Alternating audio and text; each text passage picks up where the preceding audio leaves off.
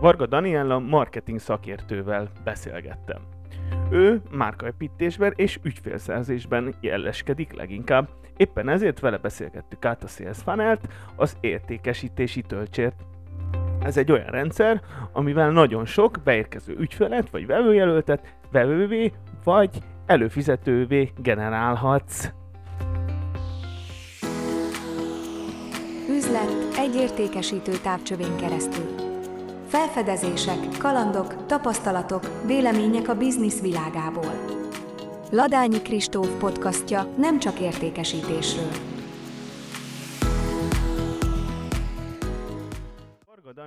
Daniellával beszélgetek, a mai témánk a Sales Funnel, egészében megpróbáljuk ezt a, mai nap átvenni, és hogyha lesz rá érdeklődés, vagy érdekel majd titeket, hallgatókat, kérlek jelezzétek, és majd darabjaiban is fölvesszük, hogy mi is az az értékesítési töltsér, de most akkor halljuk egészében is, mi az értékesítési töltsér, ez a Sales Funnel nevezetű csoda dolog. Sziasztok!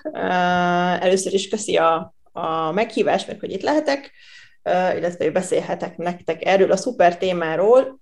Ugye mi az az értékesítési funnel? Itt általában, vagy sales funnel, sok verzió van, sok fogalom van, össze is mosódik nagyon sok fogalom szerintem a marketing és a, a sales világából. Az én olvasatomban alapvetően az értékesítési töltsér az egy olyan folyamat, ami segít abban, hogy a az ügyfeledet, a vásárlódat végigvezest különböző döntési pontokon. Ugye itt kicsit a, a buyer journey-nek a, a felépítésére szoktuk ráhúzni ezt az értékesítési folyamatot. Lényegében arról van szó, hogy te a megfelelő időben, a megfelelő tartalommal, megfelelő válaszokkal szolgált ki a potenciális érdeklődőt, azért, hogy a végén ugye egy eladás történjen. Ugye a lead generálásával indul ez a töltsér, ez a teteje, ez a legszélesebb metszete a dolognak. Mi értékesítők szeretünk már a marketingtől egy jól generált, jól osztályozott leadet kapni, hogy azzal messünk tovább, de szerintem kezdjük a töltsért a lead mégiscsak ez a teteje. Erről Léci mondjál nekünk pár szót, hogy mit is jelent az, hogy lead, mi az, amikor bejön, és miért van ez a töltsér tetején. Ugye ez is egy nagyon érdekes kérdés, szerintem a lead az mindenkinek egy kicsit mást jelent. Tehát uh, általában uh, azt szokták leadnek uh, definiálni, aki valamilyen szinten neked egy potenciális érdeklődőd. Az, hogy ez neked mit jelent, az minden cég életében egyébként mást fog jelenteni. Lehet, hogy valakinek mondjuk lead már egy feliratkozó, de az is lehet, hogy valakinek még csak azt számít leadnek, aki mondjuk már ajánlatot kért.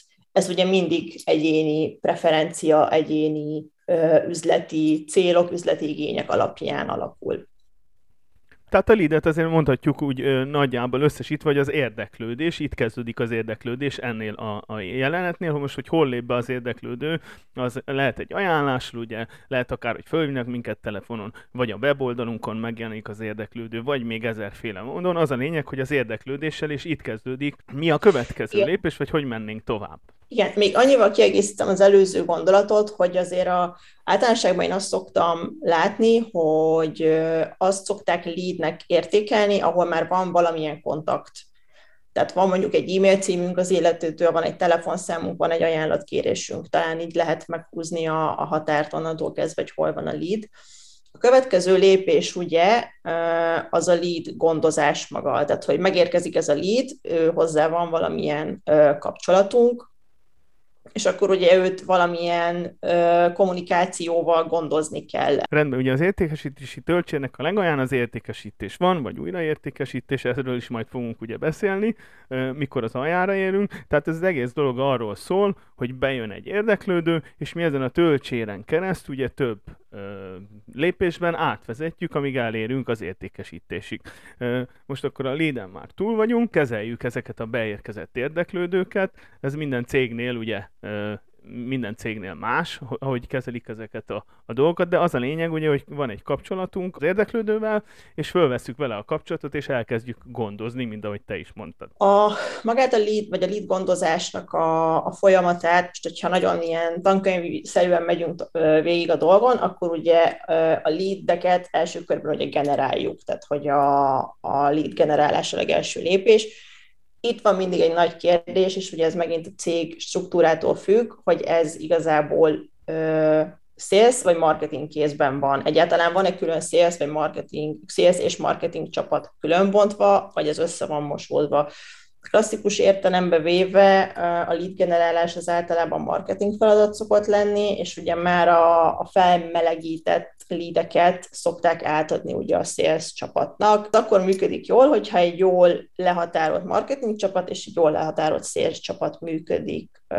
a cégben hogyha ugye ez nincs meg, és mondjuk csak marketinges van, aki egyébként sales feladatokat is ellát, vagy csak szélszes van a, a csapatban, akkor ugye a teljes folyamatot egy kézben kell kezelni, tehát a lead generálás is már sales feladat. Rendben, tehát fölvettük a kapcsolatot az érdeklődővel, mi a következő, hogyan szűkül ez a töltsér. Ugye itt mind, tegyük hozzá a hallgatóknak, hogy itt minden egyes lépésnél ez alapvető folyamat, hogy kiesnek érdeklődők, mert vagy nem érdekli tovább őket, vagy drága nekik, nem jó nekik a termék, vagy a szolgáltatás, és kiesnek, de ezzel nem probléma. Lemorzsolódás van, de ugye az a legjobb, hogyha minél kisebb ez a lemorzsolódás. Így van, ugye ezt szokták, itt jön be maga a konverziónak a, a fogalma, amikor ugye arról beszélünk, hogy az egyes lépésekben hogyan konvertál a következő lépésbe az érdeklődő vagy a látogató. Tehát, hogy 100 emberből ugye, mennyi megy tovább? 99 vagy csak 65? Így van, így van, így van, és ugye ez egy százalékos arány szokott lenni. Minél jobb a százalék, annál jobb a konverzió, annál jobb egyébként maga a kommunikáció és a folyamat. Úgyhogy az, hogy a lead gondozásnak milyen lépései vannak, szintén szerintem a legjobb módja az az, hogyha mindenki saját ö, cégjére, saját kommunikációjára, saját igényeire szabja. A lead gondozás az, az magának az érdeklődés felkeltésének ugye egy ilyen fontolgatás szintre tovább vitelnek a, a feladata. Hú, ez nem volt magyaros, bocsánat. Szóval, hogy a lead gondozás a tankönyvi minta szerint, és azért mondom mindig, hogy tankönyvi minta, mert azért az, amiket így vegytisztán lehet látni folyamatokat, azért azokat nagyon ritkán lehet leképezni jól a gyakorlatban, meg nem is kell szerintem, hanem ugye mindenkinek meg kell találni a saját folyamatát, de ugye a lead gondozás az lehet egy ilyen érdeklődésnek a felkeltése, valamilyen szándéknak a felkeltése, vagy az, hogy egy megfontolja az ajánlatunkat igazából. Szerintem vegyünk egy példát, az lesz a legjobb, hogyha ezt egy kicsit meg tudjuk mutatni, le is tudjuk rajzolni az embereknek így fejben. Nekem van egy nagyon kedvenc példám arra, hogy, hogy hogyan működik jól egy ilyen funnel. A Brian Dean az egyik legnagyobb SEO szakembernek számít kb. szerintem nemzetközi szinten, és neki egyébként van szerintem egy baromi szép és nagyon egyszerű sales funnelje, ahol igazából arról van szó, hogy onnantól kezdve ugye ő alapvetően SEO-ból szerez egyébként látogatókat a weboldalára, és a weboldalon a legfőbb cél az az, hogy feliratkozzanak az emberek egy e-mail listára. És onnantól kezdve, hogy feliratkoztál, akkor te kapsz úgynevezett exkluzív tartalmakat, uh, ahol amit egyébként nem kapnál meg, hogyha nem vagy feliratkozva. Tehát olyan pro-tippeket, olyan hasznos tanácsokat, vagy egyszerűen csak mondjuk ilyen iparági trendeket, amiket máshol nem ö, oszt meg ugye a tulaj. Tehát most tartunk ott, ahol az előbb befejeztünk, hogy az érdeklődés fenntartása. Ez most az a rész. Így van, így van, így van, így van. Tehát ez maga az a lead gondozás rész, amikor igazából én ott vagyok, mint érdeklődő az ő e-mail listáján, de még nem akart nekem eladni semmit, hanem csak további bizalomépítő elemeket használt fel, tehát oktatóanyagokkal, érdekességekkel és egyéb dolgokkal. És ugye amikor ő egyébként online képzéseket értékesít, és ugye amikor kijön egy ilyen képzése, akkor azt csak az e-mail listának küldi ki, tehát csak akkor értesülhetsz róla, hogy van egy új képzés, hogyha fent vagy a listán, és ugye szintén annak is megvan a nagyon szép felépített kampánya, hogy ő ezt hogyan, hogyan értékesíti, milyen e-mailekkel, milyen uh, üzenetekkel, tehát maga az eladás is nem arról van szó, hogy kiküldi, hogy most itt van egy képzés, és vedd meg, és tök jó, hanem fel van építve, hogy először miért lesz jó neked ez a képzés, tehát megérted azt, hogy miért jó neked, mit nyersz vele, mi a hasznod belőle, és akkor utána van ugye egy limitált ajánlat, ami a limitált idejű ajánlat, amíg meg lehet venni ezt a képzést. Tehát folyamatosan, azért... tehát folyamatosan Bocsánat. bizalmat épít ezekkel a levelekkel, és amikor van egy új oktatás, akkor az kiküld, és mivel neked elég nagyon bizalomfaktorod vele szemben, így nagyon-nagyon nagy eséllyel fogsz benevezni erre az oktatásra, ő csak föntartja vég ezekkel az értéket adó e-mailekkel, levelezéssel, az, hogy a te érdeklődésed fennmaradjon, és ugye a bizalmadat növelje ezzel. Így van, így van. Alapvetően az az ő, ez az ő sales taktikája, hogy egy nagyon erős ilyen bizalmi kapcsolatot épít fel, és közben egy nagyon erős szakértői státuszt is sokal magáról. De mi van azokkal, akik lemorzsolódnak, tehát eltűnnek a sales funnelünkből, azokkal tudunk-e foglalkozni később, vagy nem foglalkozzunk, vagy nem érdemes? Mindenképpen, ugye azt kell szerintem megérteni, az a legelső lépés, hogy miért morzsolódott le. Tehát amikor valaki kiesik a töltsérből, akkor arra, arra kell választ kapni, hogy ez miért történt. Ugye ezt többféleképpen meg lehet, kérdőívet kiküldhetünk. Most, hogyha egy nagyon egyszerű példát veszek, megkérdezni tőlük, most miért nem vásároltál? És akkor ebből már van egy elképzelés arról, hogy mi lehetett a probléma. A legjobb mód az, hogyha utána kifejezetten arra a problémára vagy okra tudunk valamilyen formában reagálni, tehát mondjuk nem volt alkalmas az időpont, akkor tudjuk azt, hogy legközelebb mondjuk fel kell ajánlani több időpontot, mondjuk, hogyha egy, nem tudom, egy, egy képzésről van szó, vagy hogyha éppen mondjuk nem volt érthető neki az üzenet, amit elküldtünk, mondjuk maga az, hogy miért jó az ajánlat, akkor a következő alkalommal ugye egyértelműsíteni kell azt, hogy neki miért jó az ajánlat. Ugye az sem mindegy, hogy melyik lépésnél morzsolódtak le, mert minél jobban, minél lejjebb kerülnek a sales funnelbe, annál tovább voltak érdeklődők,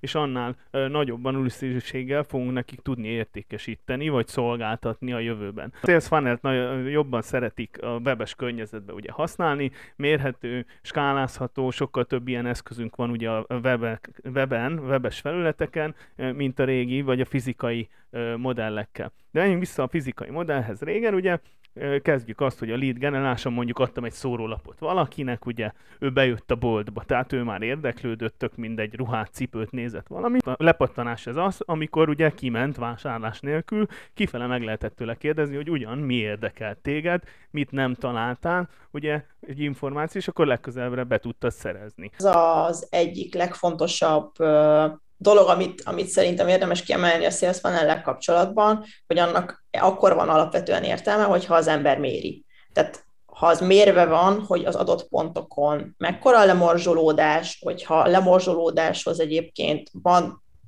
pároztatva, vagy hozzá van kapcsolva valamilyen fajta visszamérés, hogy ott miért történt a lemorzsolódás, ha mondjuk, és nem feltétlenül vásárlásról beszélek, mondjuk weboldal látogatók esetén kint van egy felugró pop-up, hogy miért, mi, mi az, ami miatt elmész az oldalról, vagy mondjuk megtaláltad-e, amit kerestél. Tehát ilyen nagyon egyszerű kérdésekkel ezeket szépen vissza lehet mérni.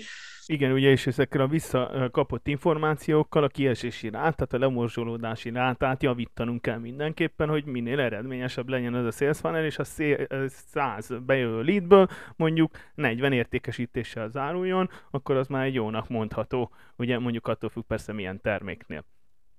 Így van, így van. Ez is egyedi nagyon, hogy mi számít egyébként jó konverziónak.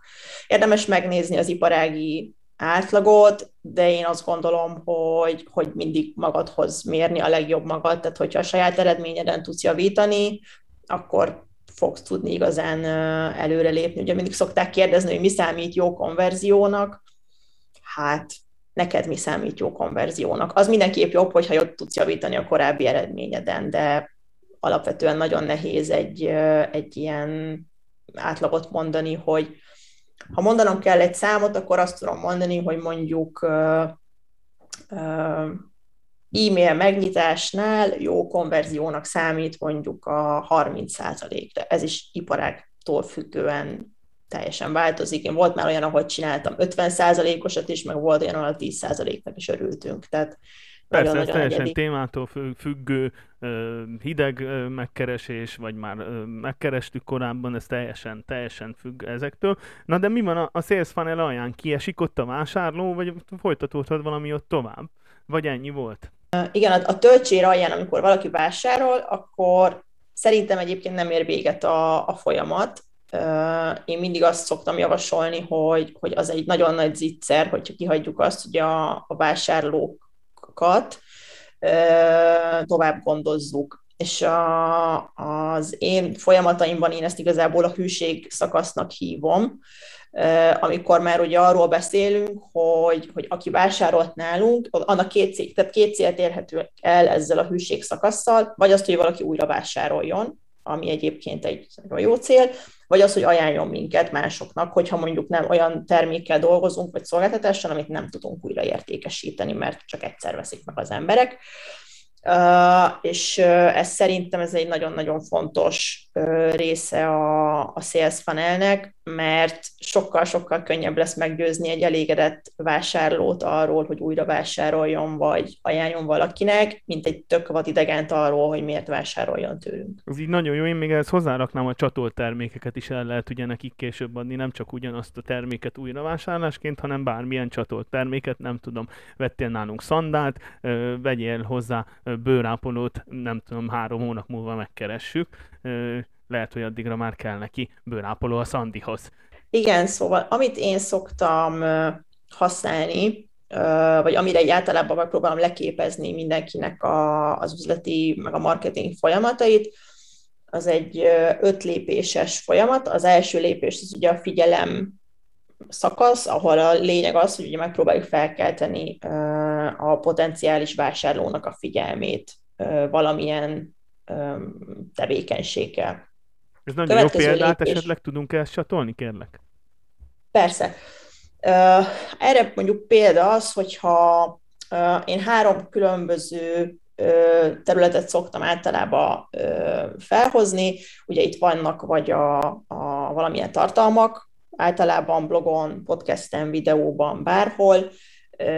Ide jöhetnek azok a hirdetések, amik ugye ezeket hirdetik illetve ugye a közösségi média különböző ö, tartalmai is lehetnek ide érdekesek, de például a, a, egy ilyen hideg megkereséses e-mail is ugyanígy egy ilyen figyelemfelkeltő történet lehet.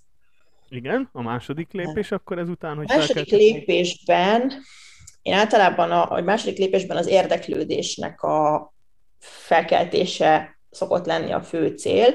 Amikor már megvan a figyelem, akkor ugye az a, a cél, hogy, hogy felkeltsük az érdeklődés is. Ez a gyakorlatban általában valamilyen kontakt információnak a megszerzésével párosul.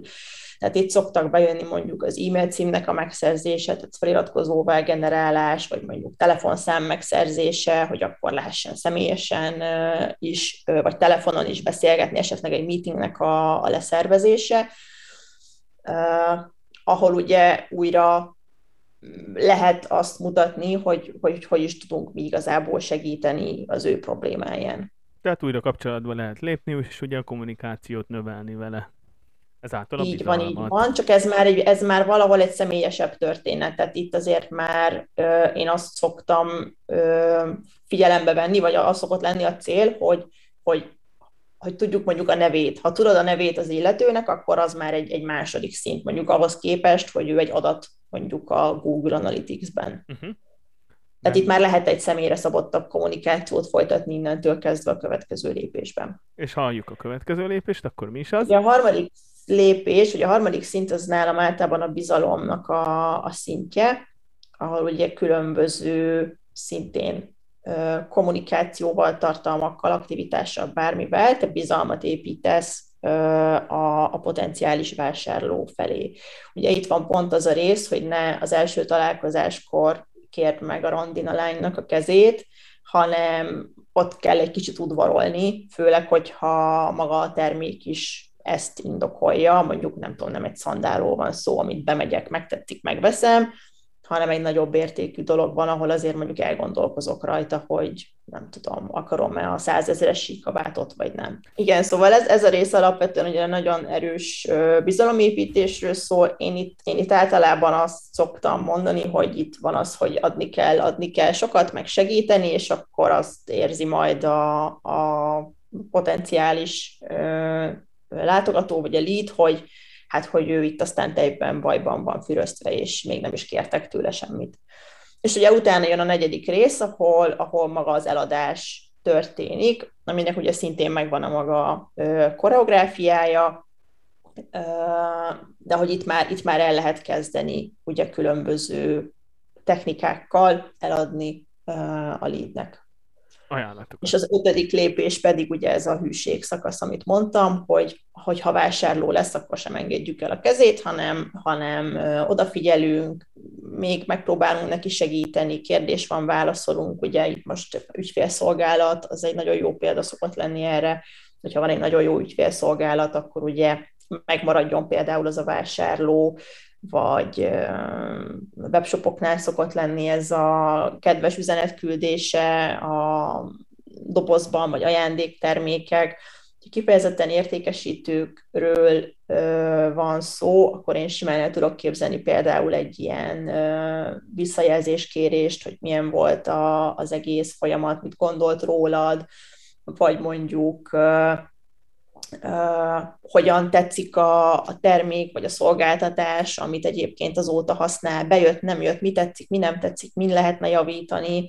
Tehát ezek egyébként olyan apróságok, amik alapvetően nem igényelnek nagy energiabefektetést, viszont vásárlói oldalról meg szerintem nagyon jó extrát adnak. Viszont amíg idáig eljutunk, mennyi energiabefektetést és mennyi pénzt ö, őről föl, amíg egy lead beszerzésétől ugye eljutunk az értékesítésig, éppen ezért is nagyon fontos, hogy aki már egyszer vásárolt vagy előfizetett nálunk, ö, azt megőrizzük ö, vásárlóként és előfizetőként, mert ugye már nem kell befektetnünk azt a sok energiát és pénzt, mert ő ott van, megbízott bennünk, egyszer már vásárolt, úgyhogy tartsuk fent vele a kapcsolatot mindenképp, igen. Halljuk a kedvenc sales sztoridat, ami egy állandó kérdésünk, és te is válaszolni fogsz rá.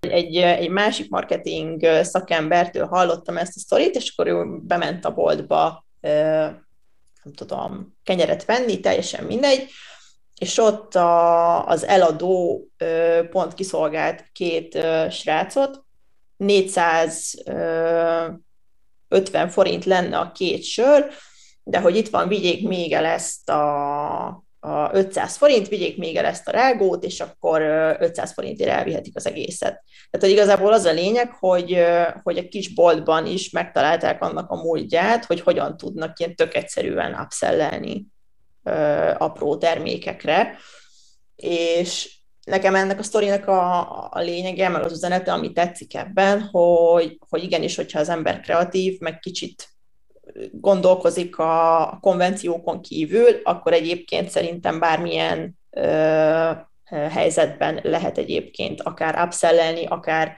akár még többet eladni, még jobban értékesíteni. Nyugodtan lehet kicsit kreatívabban gondolkozni. Megyünk tovább az állandó kérdésekkel. A következő állandó kérdés, hogy szerinted mi az a top három tulajdonság, amivel egy értékesítőnek rendelkeznie kell? Uh, hát szerintem a legfontosabb, uh, amivel rendelkezni kell, az az empátia. És uh, ez egy nagyon tág fogalom, és elmondom, hogy miért gondolom ezt. Tehát szerintem egy jó értékesítőnek nagyon-nagyon éreznie kell, hogy mire van szüksége annak, akinek ő el akar adni. És most beszélhetünk face-to-face, beszélhetünk egyébként mondjuk e-mailben, vagy beszélhetünk tömeges célzás esetén is. Tehát nagyon-nagyon bele kell éreznie, bele kell tudnia éreznie magát a, a célcsoportjának a, a helyébe mert igazából akkor fog tudni azokra a kifogásokra reagálni, akkor fog tudni azokra a kérdésekre válaszolni, ami igazából még el se hagyták a, a leadnek a száját, de ő már egyébként ott van a válaszsal. Meg akkor fog Tehát tudni ezt... eredményesen lezárni többek között. Így van, így van. Tehát nekem, nekem ez a legfontosabb. A másik készség az a, az a, én ezt a jó detektív nek hívom, és ez kicsit egyébként átcseng az elsővel, tehát, hogy fel kell tudnia deríteni ezeket a dolgokat, ezeket a kérdéseket, a, a leadről, akivel majd ő egyébként beszélgetni fog, vagy akinek el akar adni. Bele rá kell szállni szerintem az időt is, meg kell kutatni azt, hogy mondjuk milyen céggel fogsz te beszélgetni, mit kell tudni róluk, miért, hogy vannak a piacon, milyen helyzetben vannak, milyen nehézségekkel küzdhetnek. Szerintem kevesebb lehangoló dolog van annál, amikor az ember így kap egy ilyen tök egyértelműen tömeg sales e-mailt, amiben látszik, hogy igazából minimális energiát fektettek, ami azért szomorú egy kicsit, mert most már annyira komplex személyre szabási lehetőségeket lehet csinálni, akár szoftveresen is, hogy ez elképesztő. Plusz én továbbra is azt gondolom, hogy azért az a plusz, nem tudom, negyed óra, amit az ember rászán arra, hogy mondjuk személyre szabjon egy e-mailt, az mindenképpen megtérül. Ezt mi értékesítő berkekben úgy mondjuk, hogy el kell végezned a házi feladatodat. Úgyhogy ez a, Na, ez a mi megfogalmazásunk. Mi lesz a hármas számú? Ugye a magabiztosság az alapvetően szerintem fontos mindenkinek, aki, aki valamit el akar adni, és itt igazából a több szinten értem a magabiztosságot, tehát hogy hinni kell a termékbe, meg a szolgáltatásba szerintem, amit az ember értékesít, mert anélkül Szerintem akkor szokott nagyon ilyen, ilyen szélszes, izzadós lenni a történet, amikor így látszik, hogy a, az illető sem hisz a dologban, illetve, illetve őnek is kell, hogy legyen egy adag magabiztossága, hogy merjen beszélgetni emberekkel, hogy, hogy merjen kezdeményezni, hogy, hogy ne remegibe hívjon fel, tehát ezek, ezek szerintem alapvetően nagyon fontosak. Akkor megyünk a következő állandó kérdésre, és ez egy kicsit furán van megfogalmazva, hogy mi az a top három eszköz vagy szokás, amit egy értékesítőnek használnia kell, vagy, vagy magáinak kell tudni. Hát az egyik az a CRM, szerintem anélkül egy, egy jó szélszes nagyon nehezen tud boldogulni, uh, és az, hogy most ez a CRM, ez pontosan melyik, vagy milyen, azt ugye mindenki találja meg a saját szája íze szerinti legjobbat. Itt szeretném elmondani, hogy az előző adás éppen erről szól, úgyhogy hogyha valaki szeretné felfedezni ezt a témát, az hallgassa meg az előző adást. Úgyhogy nem is kell magyarázni, mehetünk is a kettesre. Mindenki hallgassa meg az előző adást, így van. Igen.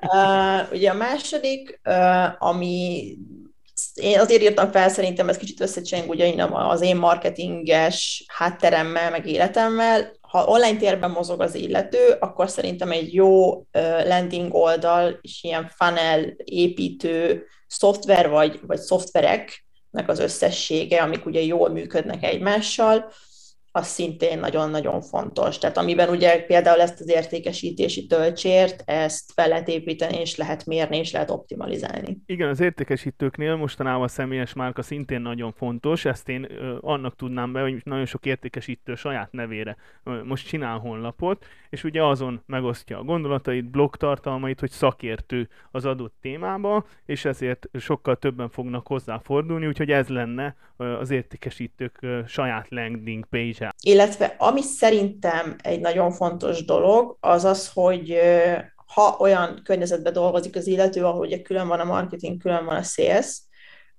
akkor egy, én, én a rendszeres meetinget a marketinggel azt nagyon-nagyon fontosnak tartom, vagy mondjuk akár mondhatnám itt a, a vezetőséget is, be szerintem az általában jobban be van égve minden napokban, mint mondjuk az, hogy a marketing és a sales az, az rendszeresen találkozzon, és megossza azt, hogy éppen mi történik, és mik az elvárások mint hogyha összebeszéltünk volna, pedig esküszöm nem tetted, az első a CRM-re ö, ha, ö, utalt, a harmadik pedig a következő témánkra utalt, ugyanis következő témánk az lesz, hogy a marketing és az értékesítés kapcsolata, és ez hogyan kellene működni, hogyan kellene jobbá tennünk, úgyhogy teljesen beletrafáltál. Remélem az ott, lottón is így lesz ötösöm majd.